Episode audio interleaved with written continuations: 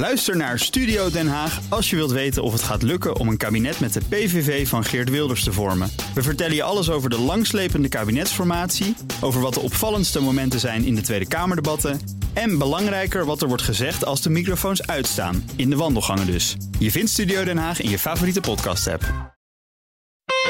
Welkom bij De Crux, de podcast waarin we met twee mensen die lijnrecht tegenover elkaar staan onderzoeken waarom ze het niet eens kunnen worden. Geen roeptoeters, maar mensen die langer dan anderhalf tweet en een krantenkop ergens over nagedacht hebben. Wat dan echt de discussie wordt, en die is denk ik voor zowel Marjolein als voor mij een heel moeilijke, dan laat je ook meer, moet je ook meer risico's accepteren met elkaar. Ik zit uh, met uh, mijn voeten in de zorg en ik zie, hard, ja. ik zie dat gelukkig minder. En dan moet jij gewoon tegen patiënten zeggen, sorry, het geld is op. het is nu november, kom in januari maar weer. Ik ben Esther van Rijswijk, ik ben economisch journalist en ik zit hier met Esther Kwaks, ook econoom, maar eentje die ratio alleen niet genoeg vindt en daarom nu ook psychologie studeert. Kwaks, waarom deze podcast? Wij willen voorbij het meningsverschil komen. Wij zien de feiten liggen op tafel, die kloppen, daar is goed over nagedacht. Wij gaan in deze podcast op zoek naar waar liggen de overtuigingen, welke overtuigingen, wat ligt eronder, welk mensbeeld, welke waarden. Precies, en dat noemen we dan de crux. En vandaag staat de zorg op het menu. Verspillen we niet bakken met geld aan zorgverzekeraars? Geld dat we misschien wel beter kunnen gebruiken voor patiënten. Voor ons staat een laptop. Daarop staat een gesprek dat we hebben opgenomen in de studio van BNR. We gaan het zo samen terugluisteren hier bij jou in de keuken. En dan zetten we af en toe stil om te kijken of we het allemaal goed begrepen hebben en of we het allemaal volgen. En we zijn dus op zoek naar die crux. Waar gaan we naar luisteren? Wij gaan luisteren naar een gesprek dat we hadden met Marjolein Smit en Wouter Bos. Marjolein is hoogleraar oncologische chirurgie in het Universitair Medisch Centrum in Maastricht en daar werkt ze als arts. Eind vorig jaar schreef ze een opiniestuk in NRC. En dat heeft dezelfde titel als onze stelling van vandaag: Haal de verzekeraar uit het zorgstelsel. Het was voor ons de aanleiding om eruit te nodigen. Uh, en in het stuk noemt ze alle pogingen tot verbeteren van het stelsel het herschikken van de stoelen op de Titanic. En er is radicale verandering nodig, zegt ze. Weg met de zorgverzekeraar. Wie daar heel anders over denkt is Wouter Bos, uh, baas van een zorgverzekeraar. Uh, de meeste mensen zullen Bos nog kennen als uh, politicus, PvdA-leider en minister van Financiën. In 2010 beëindigde hij zijn politieke carrière en werd hij partner bij consultantsbureau KPMG en later bestuursvoorzitter van het VU Medisch Centrum. Hij was even weg uit de zorg, maar sinds een jaar weer terug. En wel als voorzitter van het bestuur van zorgverzekeraar Mensis. Twee mensen dus met veel verstand van het onderwerp, maar een heel verschillende mening. Wij gaan op zoek naar wat daar de oorzaak van is en wat de crux is. Elk gesprek begint met een stelling waarbij de gasten dan op reageren. De stelling van vandaag luidt: haal de verzekeraar uit het zorgstelsel. We gaan naar de studio en daar begint Marjolein. Ja, de gezondheidszorg uh, zoals het is, die dreigt gewoon onbetaalbaar te worden. Daarnaast geldt een uh, enorm dreigend en al op veel plekken al bestaand tekort aan de handen aan het bed. De problemen in de organisatie en financiering van de gezondheidszorg zijn momenteel zo groot dat die niet meer binnen het bestaande systeem opgelost kunnen worden. En met de oplossingen die de zorgakkoorden bieden, zoals meer inzet op preventie en betere samenwerking, gaan we het gewoon niet redden. Radicaal out-of-the-box denken is nodig, zoals haal de verzekeraars uit het systeem en gebruik gelden die daardoor vrijkomen voor meer of vooral beter betaalde handen aan het bed. De inzet van het huidige stelsel was marktwerking, resulterend in een betere prijs en betere kwaliteit. En in de kanttekening stond zelfs iets over minder administratielast.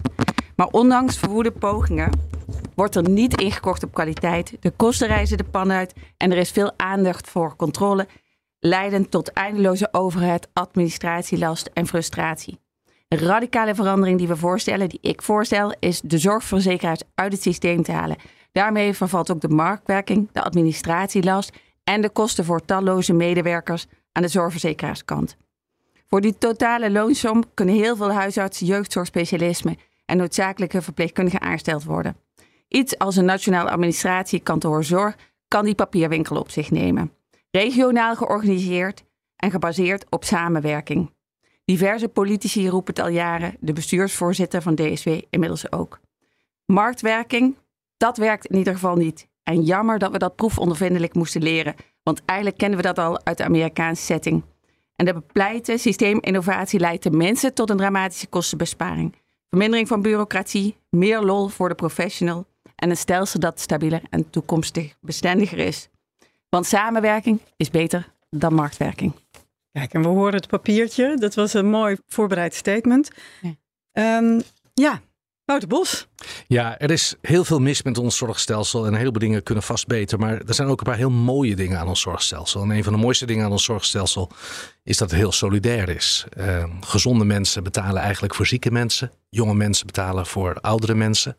Rijkere mensen betalen voor armere mensen. Uh, en dat is een heel groot goed. En we weten dat we dat eigenlijk alleen maar met elkaar kunnen volhouden. als mensen bereid zijn om die premie voor de gezondheidszorgverzekering ook te blijven betalen. En als je dan terugkijkt naar afgelopen najaar, toen de premies voor mensen met vaak meer dan 10 of 20 euro omhoog gingen. Als je dan ziet wat, wat tot wat voor een, een consternatie en, en onrust dat leidt, dan word je eigenlijk daar weer aan herinnerd. Hoe belangrijk het is dat we met elkaar die premie binnen de perken houden en dat iedereen dat betaalbaar vindt. En daar zit ook eigenlijk de zorg en ook een heleboel van de toegevoegde waarde van de zorgverzekeraar. Wij hebben in dit stelsel de taak om op te komen voor de premiebetaler. De premiebetaler die niet eindeloos steeds hogere premies kan blijven betalen. En dat betekent dat er iemand nodig is die af en toe zegt: misschien moeten we dit niet doen. Of misschien kan deze euro beter aan iets anders besteed worden. Dat is de rol die de zorgverzekeraar nu oppakt. Wij staan naast de premiebetalende burger. Wij willen dat die euro's zo goed mogelijk besteed worden. En we willen niet dat het duurder wordt dan nodig. En zelfs als je de zorgverzekeraars afschaft, zul je altijd een partij houden die die vraag moet stellen. Want anders is er niemand meer solidair met de premiebetaler. Ja. Nou, ik vind dat. Ja, Marjolein zit een beetje te kijken van, ja, wat, moet ik daar nou mee? Nou ja, wat moet je daar nou mee? ja, ik denk dat we in die zin misschien wel allebei naast de premiebetaler staan. Want de premiebetaler wil goede zorg. En vanuit de zorg leveren we goede zorg. En de premiebetaler heeft in die zin zeker um, door de zorg die we nu hebben, uh, daarvan gegarandeerd. Um, dus ik vind het wel heel mooi dat je dat zegt, dat de premiebetaler zo belangrijk is. Want ik denk dat we dat misschien wel allebei zien. Oh, dat was natuurlijk helemaal niet te belangrijk. Dat we uh, niet het nee, moment nee, maar wel, het maar even, maar, ja? Eerlijk verhaal is ook dat de premiebetaler natuurlijk in zekere zin, en nu, nu kom ik op medisch terrein, een gespleten persoonlijkheid heeft. Hè? Want op het moment dat de premiebetaler premie betaalt, wil hij zo min mogelijk betalen. En op het moment dat hij patiënt is, wil hij zo goed mogelijke zorg. En het liefst niet eindeloos op een wachtlijst staan. En het is best ingewikkeld om die twee dingen tegelijk waar te maken. Zo goed mogelijke zorg, precies wat een patiënt nodig heeft, precies wat hij wil, precies op tijd, precies op de juiste plek. Maar er wel tegen een zo laag mogelijke prijs. Dus ergens moet je die balans vinden. En ik heb, uh, je, je noemde net in je inleiding uh, die, die zorgakkoorden die we, die we sluiten om te proberen uh, het zorgstelsel beter te maken. Ik heb onderhandeld namens de zorgverzekeraars bij, bij zo'n zorgakkoord. En dan zaten we met 15 partijen om tafel. En 14 van die 15 partijen vroegen om meer geld. Echt, ziekenhuizen, artsen, verpleegkundigen, patiënten, iedereen vroeg om meer geld. En er was maar één partij die zei: ja, maar jongens, iemand moet dat wel gaan betalen. En wie komt er nou op voor die betaler? En dat waren de zorgverzekeraars. Dus de werkelijkheid is dat er een dynamiek is in de wereld van de zorg om vooral meer geld te willen. En dan is er een tegenwicht nodig. Is er ergens tegenkracht nodig van iemand die zegt: misschien, misschien zit daar ook een grens aan. En dat is wat wij proberen te doen. Zie jij die noodzaak ook, Marjolein? Dat er een tegenwicht nodig is voor iemand die dat meer, meer, meer geld remt? Um, ik, uh, ik zit uh, met uh, mijn voeten in de zorg. En ik, zie, arts, ja. ik zie dat gelukkig minder. ik zie om me heen allemaal mensen die met minder geld dingen doen. Um, zo worden er mensen met, minder mensen met een heup, gebroken heup geopereerd.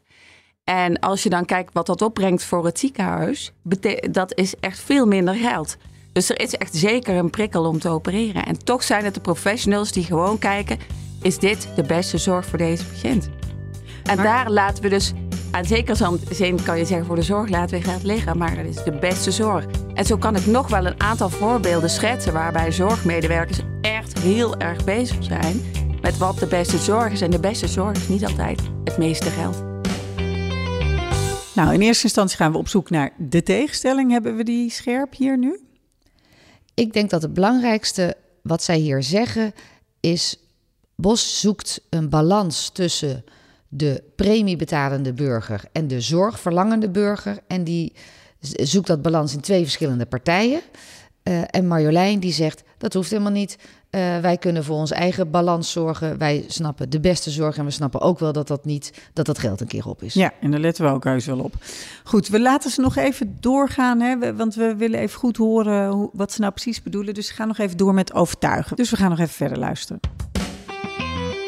Maar dan toch even, want het punt van die gespleten persoonlijkheid is die beste zorg. Daar zijn jullie denk ik over eens. Maar um, ik hoor Wout Bos eigenlijk zeggen: er moet een partij zijn die ook de hele tijd zegt: we snappen meer geld, want wij willen ook de beste zorg, maar uh, we moeten keuzes maken. Wie is dan in jouw wereld of in jouw ideale wereld de partij die zegt: we moeten ook financieel de beste keuzes maken? Waar zit die prikkel of waar zit dat belang? Ja, ik denk dat er in de hele zorg zelf ook een hele grote tendens is van het kan even goed met minder. Hè, het voorbeeld wat ik net schetste van gebroken heupen. Um, uh, Gabe Sonker, hoogleraar. Ja, dan heb ik het voorbeeld misschien niet goed begrepen. Want die gebroken heupen, waar zit dan de prikkel dat, dat er toch minder geopereerd wordt? In de beste zorg, als mensen heel veel andere klachten hebben, ja. Dan, loont, dan levert een operatie vaak geen beste zorg op voor die patiënt. Ja, maar dan is dat nog steeds een zorgafweging, niet een kostenafweging, toch? Ja, daar zit ook kosten in. Want uiteindelijk krijg je als zorg dus veel minder geld. En toch is dat niet de prikkel. Ik denk dat de hand op de knip aan allebei de kanten tegelijk kan. Want een heleboel zorgmedewerkers zien ook dat je een euro, die kan je maar één keer uitgeven. Denk je dan niet dan heb ik het gevoel dat het um, ook een beetje een systeemkwestie is. Jij zegt, artsen maken heus die afweging wel. Um, want wij zijn ook mensen en we zijn niet gek. En Wouter Bos zegt, je hebt dat, dat moet ingebakken in het systeem zitten. Proef ik dat nou, hier een beetje? Is, weet je, ik vind, uh, um, ik, ik vind het heel, heel prima om te praten over of ons systeem misschien anders moet. En ik denk ook dat verzekeraars vaak te verkrampt hebben gereageerd op die discussie. Uh, en, en, bereid zouden moeten zijn om, om in een open discussie alles ter discussie te stellen, ook, ook zichzelf. Mm Hebben we tien zorgverzekeraars nodig in Nederland? Voegen die allemaal wat toe? Vind ik, vind ik een prima vraag om het over te hebben. Alleen we moeten niet de illusie hebben dat we daar dus de problemen van vandaag mee oplossen. Als je, als je kijkt hoe ons huidige stelsel tot stand is gekomen, dat is in de jaren 80 en 90 voorbereid en werd in 2005 werd het een wet. Hè? Dus je hebt 10, 20 jaar nodig om zoiets tot. En ik wil helemaal niet 10, 20 jaar wachten voor we de zorg met elkaar getransformeerd hebben. Dus we moeten, moeten wel dingen vandaag de dag doen. En dan zie je dat het heel ingewikkeld is voor uh, ziekenhuizen bijvoorbeeld om uh, hun eigen belang uh, te ontstijgen. Een, een, ziekenhuisbestuurder die tegen zijn eigen. Misschien artsen, wel voor iedereen om zijn eigen nou ja, belang een, een ziekenhuisbestuurder die tegen zijn eigen arts en verpleegkundige zegt. Uh, misschien is het in het belang van de patiënten dat ze niet naar ons ziekenhuis gaan, maar naar een ander ziekenhuis. En misschien kunnen wij de deuren van de polykliniek wel sluiten dat wordt je natuurlijk niet in dank afgenomen. Ik, ik ben zelf ook bestuurder van een ziekenhuis geweest. En dan voel je opeens letterlijk de verantwoordelijkheid voor duizenden mensen die, die je aan het werk houdt. En gezinnen en hypotheken die betaald worden.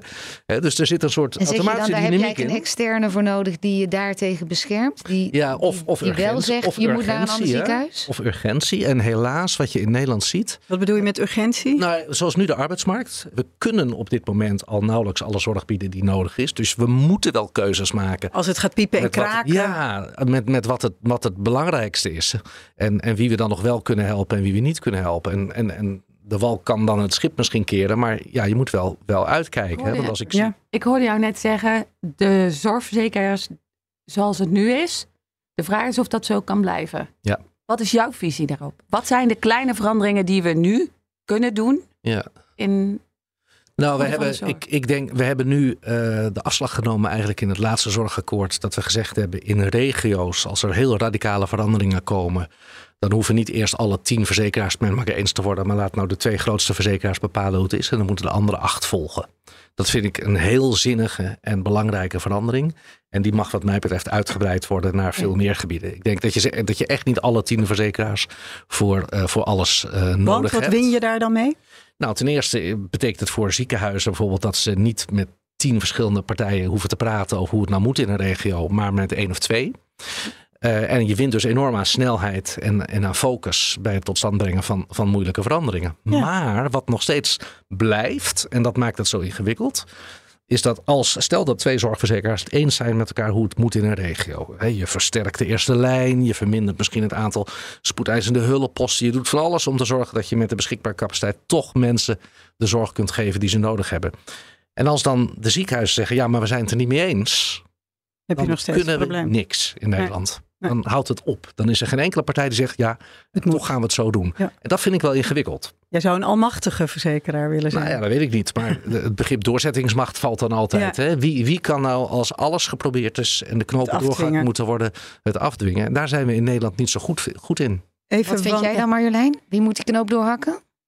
Ja, ik denk de zorg misschien met VWS en de zorgverzekeraar samen. Maar ik zie het meer als iets wat we samen moeten gaan doen. En het lastige is, en wat jij nu ook onder woorden brengt, is dat er is gewoon wederzijds wantrouwen. En, eh, en als je het zo vertelt, dan maakt het dat niet beter van de zorgverzekeraars willen besluiten over de zorg in de regio. Want heel veel Nee, dat zei ik niet. regio's- Hè? Ik, zei, ik zei, wij kunnen wel een plan maken. Maar als Ja. we daar de ziekenhuizen niet in meekrijgen, Ja, dan stokt het. Ik, ik zeg niet dat wij degene moeten zijn die de knoop Nee. doorhakken. Ik constateer vooral, er is nu niemand nee, die dit kan. doorhakt. Ja. Maar even, want jouw belangrijkste, een van jouw belangrijkste punten is, en dat zeg je ook in het artikel, de zorgverzekeraars zijn de overhead. En daar, ja, Wouter Bos begint te lachen. Ja, weet je, eh, er zijn is een aantal keren is er, is er studie gemaakt van de kosten die verzekeraars maken en dat vergelijken met de kosten die de ziekenfondsen vroeger maakten. En dus de, de, de zorgverzekeraars maken minder overheadkosten dan eh, de ziekenfondsen vroeger. Van de premie die mensen aan mensen betalen, gaat ruim 98% gewoon naar de zorg. En minder dan 2% gaat in het feit dat ik ook gewoon 1400 mensen een baan geef. En dat daar een goede administratie voor nodig is. En ongelooflijk ingewikkelde IC-systemen en dat soort zaken. En daarmee zijn we dus eigenlijk goedkoper en efficiënter dan, dan vroeger de, de ziekenfondsen. Marlijn? Ja, ja, dat ben ik niet helemaal met je eens. Want als je uitgebreid in alle getallen duikt, dan is de gemiddelde overheid van zorgverzekeraars gaat richting de 4, 5 procent. Gemiddeld 3 procent. Jullie zitten eronder. Ehm, dus dat is mooi. Ehm, maar het is wel meer dan, de, dan wat het was. Terwijl als er iemand heeft kunnen profiteren van de digitalisering, zijn het de zorgverzekeraars. Dus de vraag is waar die verdere kostenstijging aan op is gegaan. En of we daar niet kritisch naar kunnen kijken. Kijk, je kan Want zeggen... hoeveel valt daar te halen dan? Want jullie zeggen uiteindelijk eh 25% of zo, of eh, wat is het? Nou, om maar wat te zeggen. ehm, een gemiddeld ziekenhuis in Nederland heeft, daar zijn vijf mensen bezig met onderhandelen met zorgverzekeraars. En dan heb ik het nog niet eens over kwaliteit. Dus die overhead moet je en eigenlijk meerekenen. Ja, als ik, om maar in het kader te schetsen. Vijf mensen per ziekenhuis betekent dat over heel Nederland alleen over de ziekenhuizen evenveel mensen ermee bezig zijn als werken in het ziekenhuis in Boksmeer. Nou is dat niet zo'n heel groot ziekenhuis, daar kan je wat van Ja, want vinden. hoeveel procent is die overhead bij een ziekenhuis dan? En hoeveel procent zeg je dat is eigenlijk aan die verzekeraars te danken? Nou, dat vind ik een hele leuke, want dat heb ik uitgebreid proberen uit te vogelen. Want we zeggen iedere keer uh, de kosten van de zorg stijgen zo. En dan hebben we het gedifferentieerd de ene keer over handen en het bed en de andere keer over zorg in het algemeen. Maar wat je toch de indruk krijgt dat vooral de laag boven de handen aan het bed steeds verder uitgroeit. En bij ziekenhuizen. Bij ziekenhuizen ook. En dat maar, komt door de verzekeraars. Maar ja, de start daarvan, die hele kwaliteitsindicatoren, is wel gemaakt door de zorgverzekeraars. Hoe ellendig het ook is. Het gaat niet om jullie 3 tot 5 procent. Het gaat om wat jullie gecreëerd hebben bij de ziekenhuizen. Ja. Gisteren nog samen met minister Helder in een overleg gezeten over hoe we administratieve lasten kunnen verminderen voor uh, artsen, verpleegkundigen ja. en ziekenhuizen. Ja. Uh, en dan is er zeker een deel wat verzekeraars uh, kun, kunnen doen. Hè? En, en naarmate we verder gaan in het model dat je maar met één of twee verzekeraars rekening hoeft te houden in plaats van met alle tien, zal zal dat best verder kunnen helpen. Maar heel veel uh, komt bijvoorbeeld ook van de beroepsgroepen zelf. Jouw professionele groep van chirurgen stellen allerlei eisen op het gebied van kwaliteit en veiligheid. Uh, dat doen artsen onderling, dat doen verpleegkundigen, dat doet de arbeidsinspectie. Er zijn talloze instanties die eisen stellen, die zich uiteindelijk weer uiten in rapportages en kwaliteitsindicatoren. Dat kan minder, echt, denk je? Waar verzekeraars echt helemaal niets mee te maken hebben. Het, tuurlijk kan het minder. Alleen uh, wat dan echt de discussie wordt, en die is denk ik voor zowel Marjolein als voor mij een heel moeilijke. Uh, dan laat je ook meer, moet je ook meer risico's accepteren met elkaar. Als je niet alles vastlegt in, tot in detail waarover gerapporteerd moet worden en waar iemand voor verantwoordelijk gehouden wordt en iemands kop eraf gaat als het misgaat. Als je dat niet wil, dan moet je accepteren dat het fout kan gaan. En dat je leert van fouten, maar dat het er wel bij hoort. En dat is natuurlijk in een ziekenhuiswereld waar je het soms letterlijk hebt over leven en dood is dat geen geringe Dat accepteren wij met z'n allen niet. Maar Marjolein, je zegt, ik heb het geprobeerd uit te zoeken en ik heb de cijfers niet helemaal. Maar wat is jouw gut feeling? Dus hoeveel is alles bij elkaar, zeg maar, de overheid in een ziekenhuis? En hoe groot deel daarvan denk je, dat is echt te danken aan die verzekeraars? Nou, uh, Wouter Bos had het net over die indicatoren en over die kwaliteitsrapportages. Kijk, het lastige is wat er is gebeurd, is dat er een aantal dingen zijn opgelegd door de zorgverzekeraars aan de start van het indicatorenfestijn. En toen hebben heel veel beroepsgroepen gezegd: ja, hm, dan kunnen we het beter inrichten en dan zoeken we dingen uit die echt relevant zijn. En dat is het lastige. Dus er is een soort stroom ontstaan. Er is iets op gang gebracht door verzekeraars. Waarvan je nu zegt, ja, Oh, dus misschien wel een beetje met ontspoord. Het is ontspoord. Het kan met minder. En dat zie je ook in bepaalde uh, ja, spreadsheets. Dat die door de jaren in gelukkig wat kleiner zijn geworden. Eh, we moeten, de rekensommen, zeg ik dan, moeten wel blijven kloppen. Hè?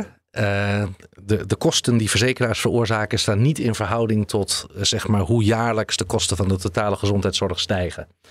Uh, zelfs als je de verzekeraars afschaft, heb je daarmee het betaalbaarheidsprobleem in de gezondheidszorg niet opgelost. Want dat komt vooral uit. Dat, is, dat komt uit dure medicijnen die dan volgens niet blijken te werken. Dat blijkt uit heel, ja. heel terechte salariseisen.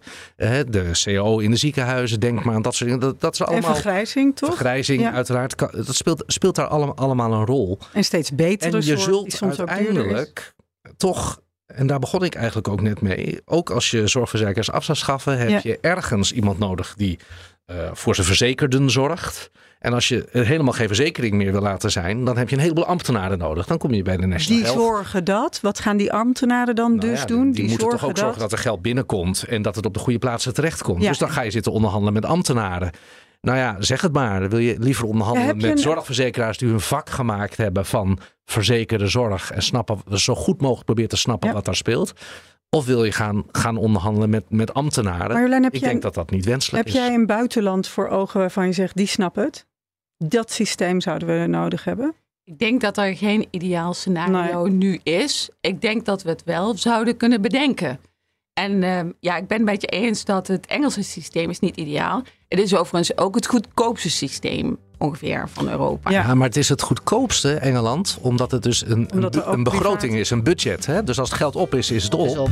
En dan moet jij gewoon tegen patiënten zeggen: sorry, het geld is op. Het is nu november. Kom in januari maar weer, dan heb ik nieuw budget. Ja, dat willen we ook niet. Hè? Ja, maar het verschil is wel dat de portemonnee in Engeland al half leeg begint, vergeleken met Nederland. Dus daar zit wel een verschil in de portemonnee. Oké, maar we gaan. Wij, wij, voor ons is altijd de uitdaging om de draai te maken. Ja, de draaimaker. We moeten zo meteen eronder gaan duiken. We willen weten waarom Bos zo blijft hameren op die checks en balances en Smit op dat samenwerken. Dat gaan we zo doen. Maar even terugkijken nu. Uh, Esther, wat, wat valt jou op? Ik vind het wel interessant hoe zij over die kosten praten. Want Marjolein zegt tegen de verzekeraars: jullie uh, zijn hartstikke duur en jullie zorgen voor een hoop overheid, ook nog voor een hoop werk van je eigen mensen, maar je zorgt ook voor uh, werk aan de kant van de ziekenhuizen. Uh, Bos die zegt, nou, de stijging van de kosten in de zorg, we doen het efficiënter dan we het deden toen we nog ziekenfondsen hadden. Dus eigenlijk werken we hartstikke efficiënt. Kan wellicht links en rechts echt wel wat vanaf, maar dat is niet het grote probleem. De stijging van de kosten in de zorg zit in hele andere oorzaken. En daar, daar blijft hij dan een beetje liggen. Marjolein zegt dan niet, nee, dat klopt niet, want.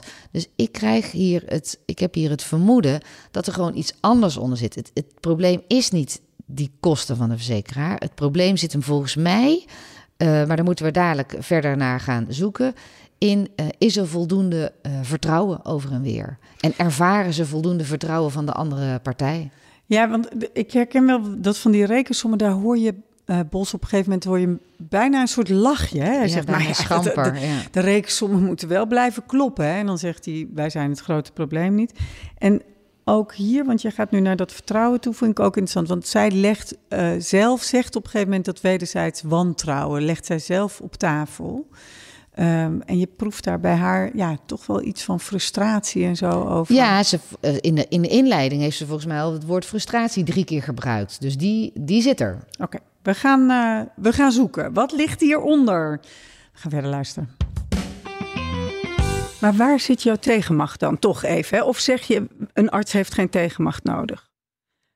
Wie gaat zorgen dat jij nooit de makkelijkste weg neemt? Ik denk dat dat zo mooi is aan zorgprofessionals. Dat iedereen probeert het allerbeste voor de patiënt te doen. En waar we misschien eerder dachten dat meer beter was, denk ik dat er nu heel veel mensen van overtuigd zijn dat je met minder nog betere zorg... Weet je, maar, weet je waar ik zo van schrok? Dat, uh, want ik, ik, ik, ik, ik denk ook hè, dat we kunnen dit niet oplossen zonder de, de, de professional in zijn kracht te zetten of in haar kracht te zetten.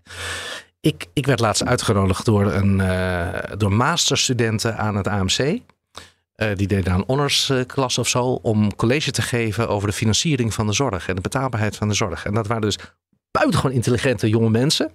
Die al volgens mij al vijf jaar studie erop hadden zitten. En die hadden in die vijf jaar nog nooit iets geleerd over betaalbaarheid en financiering van de zorg. Die wisten alles over het kleinste stukje hersenen of maag of je grote teen. Daar wisten ze alles van. Ze wisten niets over betaalbaarheid en financiering. Dus we hebben daar met elkaar ook in termen van hoe we professionals opleiden en ontwikkelen, denk ik, echt nog, echt nog wat te gaan om ze ook in staat te stellen zelf, hè, vanuit de situatie. Ja, en moet je dat willen dan? moet je willen dat een arts ook nadenkt over of de premie niet te hoog wordt? Ja, dat moeten we wel willen.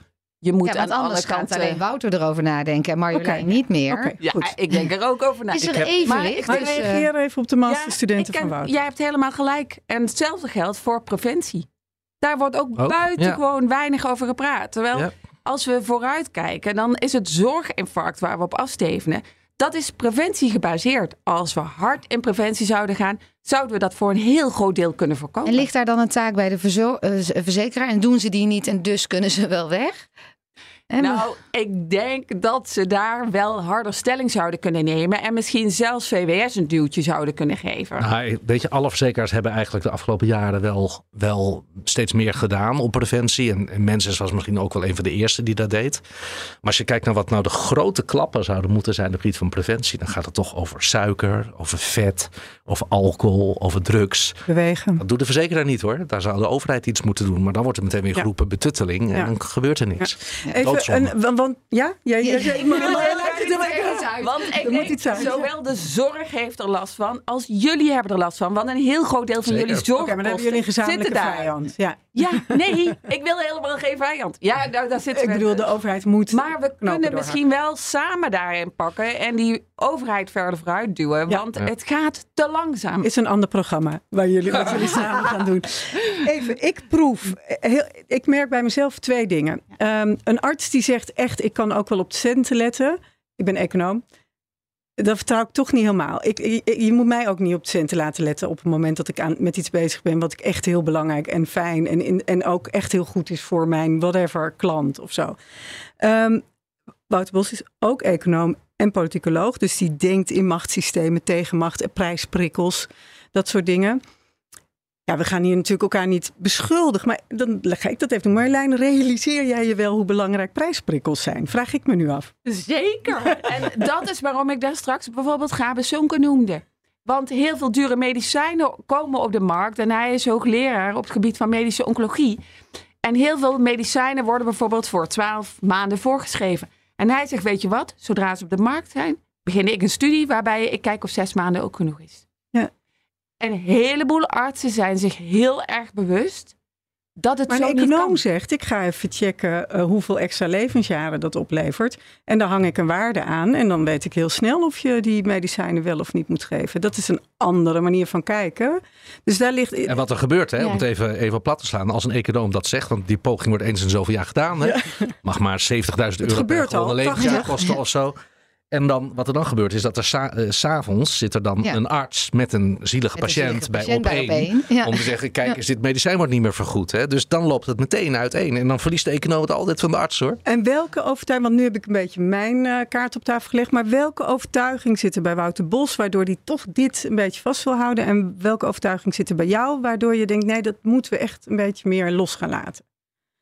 Dat, dat geloof dat die prijsprikkels disciplinerend zijn en dat je dat bij twee verschillende partijen moet leggen. Nou, ik denk dat het veel mooier is als die prijsprikkel misschien ook meer in de opleiding gaat zitten.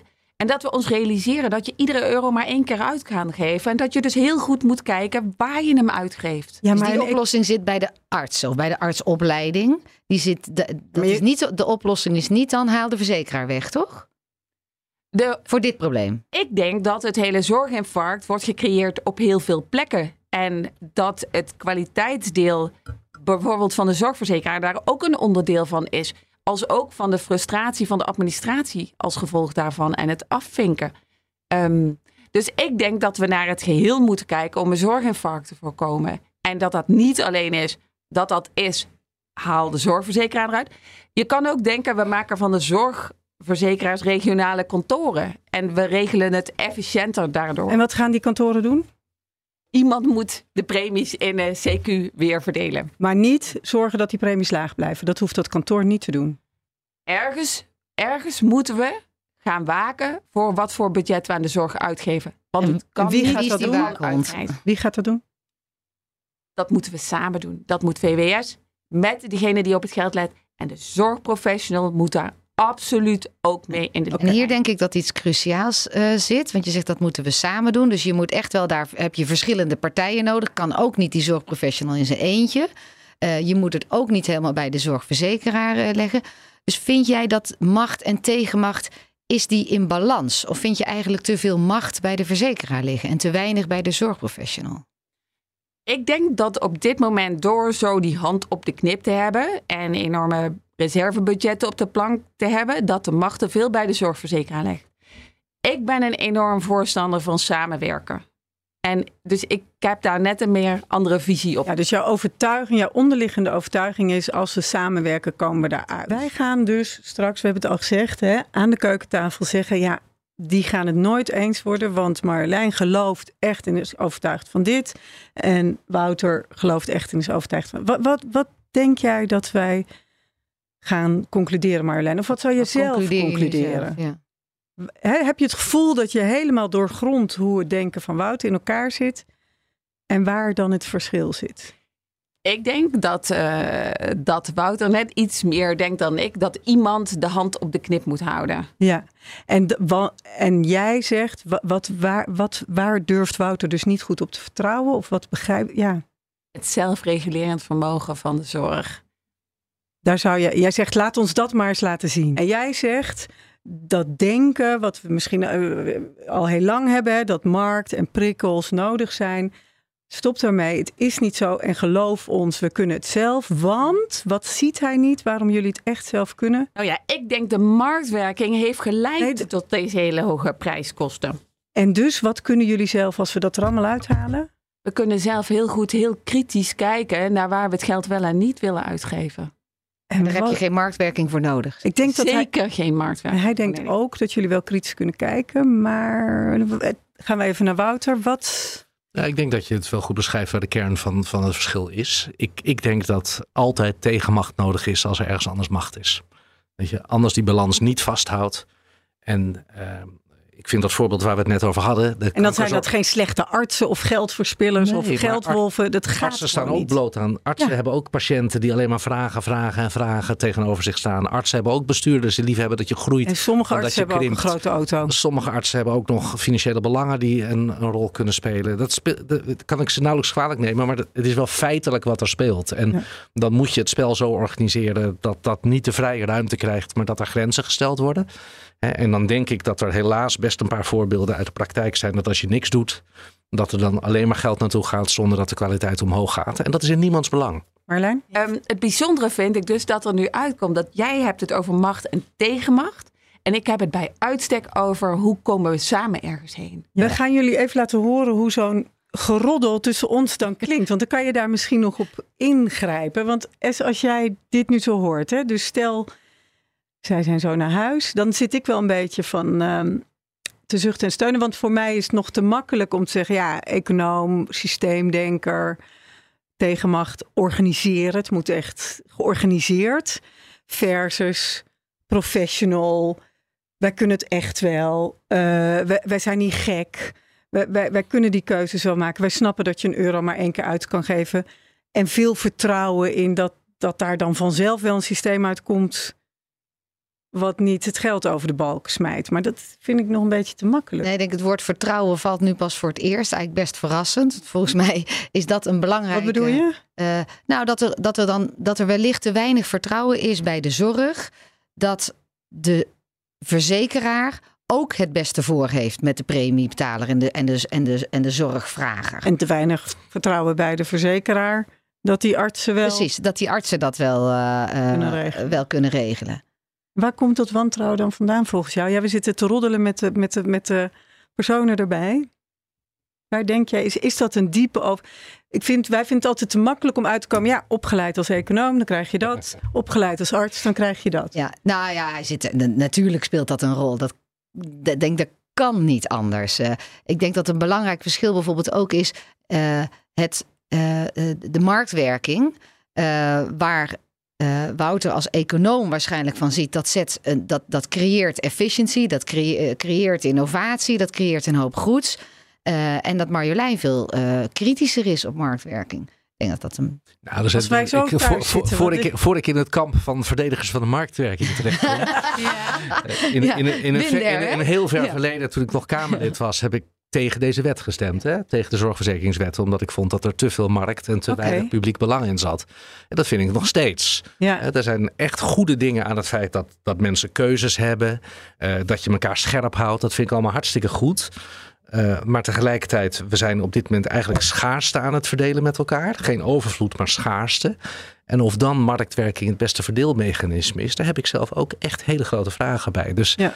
Um, in die dus hoek kom ik liever niet terecht. Niet de marktwerkzoek, maar wat vond je van mijn ja, uh, econoom, ja, ik systemen, denk dat vertrouwen, organiseren van tegenmacht? Ik denk dat vertrouwen, uh, vertrouwen die, uh, in, in, in, in, in de verschillende krachten die werken. Hè? Ja. En hoe ver je die ze hun beloop kunt laten gaan. Ik denk dat dat inderdaad een kernonderscheid is. Noem je Marjolein daarin, en dan is het nu niet Marjolein, maar noem je artsen die dit zouden zeggen naïef?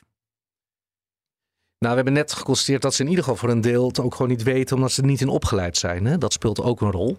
Uh, ja, je kan ik, prijs... ik, ik, laat ik zo zeggen, toen ik het VUMC bestuurde, was ik wel verbaasd dat heel hoog opgeleide uh, hoogleraar-specialisten niet begrepen waarom als zij iets medisch noodzakelijk vonden en er geen geld voor was, ze dat geld niet kregen. En dat je dan helemaal moet uitleggen dat geld dus ook schaars is. En, en dat het niet zo is. En dat, ook aan de specialist aan de knop draait van als er meer nodig is, dan moet dat toch kunnen. Dat er dan een heleboel afwegingen bij komen. Daar schrok ik wel van. Ja. Nou ja, ik denk dat een heleboel medisch specialisten, en ik denk, ja, misschien heb jij het over NS1 of NS2. Uh, maar een heleboel specialisten zijn zich echt heel erg bewust van geld en weten wat. Ik denk ook dat het heel erg verbetert, zeker. Gelukkig. Oké, maar denk je dan wel dat, dat we hier wel uit kunnen daar komen? energie in steken, toch ook? Bij het model van Marjolein? Um, als we ze goed opleiden, kan, kan kennis prijsprikkels ja, ja, vervangen? Ja, zeker. Ja, zeker. Uh, en er zijn een boel uh, tendensen. Uh, er zijn ook wetenschappers die stellig beweren dat bijvoorbeeld de feminisering van het beroep van specialist ook helpt. Hè? niet meer de oude macho-cultuur met mannetjes in een maatschap en het gaat om zo hard mogelijk werken en zoveel mogelijk verdienen. Ja. Maar een heel andere cultuur, waar de kwaliteit van het werk als belangrijker wordt uh, beleefd. En niet per se helemaal drie keer in de rond te werken en zoveel mogelijk verdienen. Dat helpt ook. En dat kleeft iets meer aan vrouwen dan aan mannen. En kijk in de collegebanken uh, van de studie geneeskunde. Dat deel komt wel goed. is ook uh, vrouwelijk. Dus dat zijn ook allemaal dingen die, die wel gaan helpen. En um, ik denk dat, um, weet je, iedereen die nu medisch specialist is, die is opgeleid in een tijd van overvloed. En iedereen die nu medisch specialist wordt, die is opgeleid in een tijd van schaarste. Dat gaat natuurlijk invloed hebben over hoe je over je eigen wereld nadenkt. Dat kan haast niet anders. Ik wil er nog eentje. Sorry Marjolein, jij wilde iets zeggen. Ja, ik wilde iets zeggen over marktwerking. Want op de een of andere manier leeft het begrip van innovatie aan marktwerking. Mhm. Net of innovatie daar zo aan vastzit. Eh, dat is misschien voor een klein deel zo. Maar voor een heel groot deel komt innovatie gewoon uit de zorg. Wat is het beste voor de patiënt? En daar komt een heleboel innovatie uit. Een heleboel professionals willen gewoon het beste voor hun patiënt. En de zorg van morgen moet beter dan vandaag. Mhm. En daar maken mensen stappen voor. Ik denk dat dat klopt. Hè? En dat vind ik zelf ook het mooie aan werken in de zorg. Ik bedoel, het was voor mij ook een reden om terug te gaan naar de wereld van de zorg. Dat de intrinsieke motivatie van een heleboel mensen die je tegenkomt, die deugt gewoon. Dat is gewoon prachtig om daar onder Wat dat betreft is het wel echt een andere sector dan heel veel uh, ja, ja, private, ik, commerciële sector. Vind ik wel. Ja. En dat uh, vind ik, uh, nou ja, voor de zingeving en de relevantie is dat mooi. Waar ga jij zo meteen naartoe? Uh, richting huis. Ja? Ik heb een hele mooie uh, meeting over preventie met de Nederlandse Vereniging voor Heelkunde. Oké, okay, en dan kom je daar een collega tegen en zeg je: Ik sprak net Wouter Bos. Naar aanleiding van het stuk wat ik eerder schreef in NRC. En wat zeg je dan tegen die persoon daar voordat je verder die meeting in gaat? He, we hebben echt zitten stoeien en zoeken. Wij gaan het nooit eens worden, want hij ik, ik, ik zou het om willen draaien. Want... Nee, ik ben die persoon. Praat met mij. Praat met mij. Je hebt net Bouten Bos gesproken, toch? Wat, en werden jullie het eens? Uh, we werden het niet eens. En waar zat hem dat nou in? Ja, omdat hij heel, heel erg gelooft in macht en tegenmacht. En ik veel meer geloof in samen. En dan zegt deze collega: Ja, maar voor samen heb je toch ook tegenmacht nodig? Ja, ik denk het begrip tegenmacht kennen we in de zorg gewoon niet zo. Precies. En dan komen we toevallig ook zo meteen naartoe. En dan zeggen we, jij sprak met Marjolein. Ik ga naar huis en dan ga ik naar Menses. En dan zeg je, ik heb net gesproken met die mevrouw waar ik ja. eindeloos veel stukken door heb moeten schrijven ja. de afgelopen week. Want die wilde ja. zomaar de zorgverzekeraars opheffen. Of afgelopen maanden. En um, ik begrijp haar nu wel beter. En dan zegt die collega, wat dan? Nou, dan, dan denk ik dat Marjolein uiteindelijk meer vertrouwen heeft in uh, wat de beroepsgroep zelf kritisch reflecterend kan. Voor elkaar kan krijgen. Dat ik denk, nou, als het systeem niet meewerkt en er geen tegenmacht is, dan zie ik het op een gegeven moment toch ontsporen. Enorm bedankt. Fijn dat jullie ook uh, mee willen laten slepen in, uh, Dank je dit gedoe. Oké, okay, leuk. Is dat hem nou? Voor, voor mij toch niet, want daar, daar, begonnen we ook een beetje mee. Hè? Daar begon deze hele uitzending mee. Dus ik, blijf een beetje steken in eerste instantie op... Ja, we hebben hier politicoloog slash econoom... En die uh, uh, versus een arts, en dan krijg je dit. Ja, het lijkt nu alsof er een soort tegenstelling is tussen uh, iemand die macht en tegenmacht wil organiseren en iemand die wil samenwerken. En volgens mij is dat hetzelfde. Dat is bij een, bij een evenwichtige organisatie van macht en tegenmacht moet je samenwerken. Als de dat macht is, in balans is, Als de macht je, in balans is. En dan, dan ben je veroordeeld vanzelf- tot elkaar ja. en dus moet je samenwerken. Dan dwing je samenwerking af. En als die macht onevenwichtig is, dan is het geen samenwerken. Dan is het gewoon de een moet luisteren naar de ander. En dan krijg je... Ja. Maar de vraag is hier wel, dus dit is volgens mij helemaal geen tegenstelling. Ik denk dat het klopt dat jij zegt, dit is voor- voor mijn gevoel de crux niet. Ehm, de vraag is volgens mij wel, wil Marjolein nou überhaupt... Die zegt, ik wil de verzekeraars afschaffen. Dus niks macht en tegenmacht, niks twee partijen. Gewoon één partij die het hele vertrouwen krijgt. En daar is Wouter Bos het, die, die, die zegt... Je hebt macht en tegenmacht in ieder systeem Ja. nodig.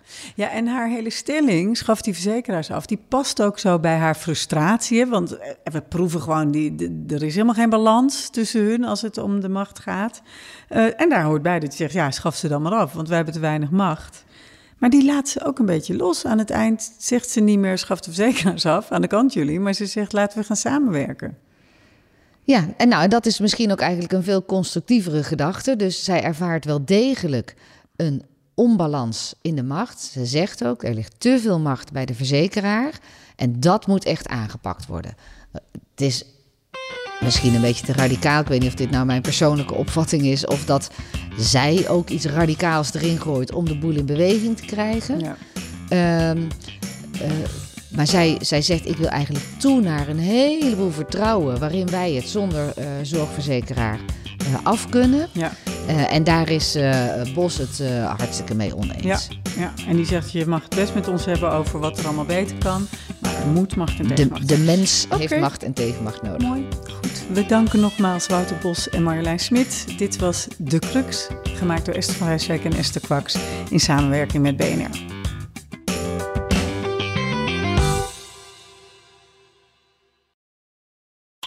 Harm Edens vind je in de BNR-app. Je kunt BNR Duurzaam niet alleen live luisteren in de app, maar ook terugluisteren als podcast, zoals al onze podcasts. En naast dat de BNR-app Breaking News meldt, houden we je ook op de hoogte van het laatste zakelijke nieuws. Download nu de gratis BNR-app en blijf scherp.